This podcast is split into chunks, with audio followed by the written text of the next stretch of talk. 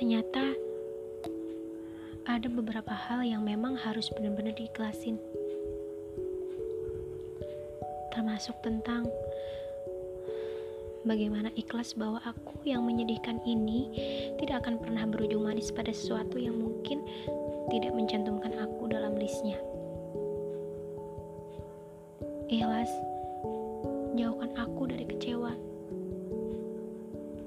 Jauhkan aku dari segala egoku yang kerap menang ketika beradu dengan realita. Jangan lagi mampir Jangan lagi mampir untuk semua perihal yang bersebab sedih berlarut-larut.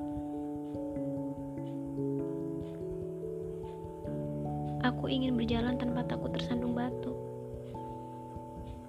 Berlari tanpa takut jatuh. Untuk apa pun ego yang mengundang menjauh.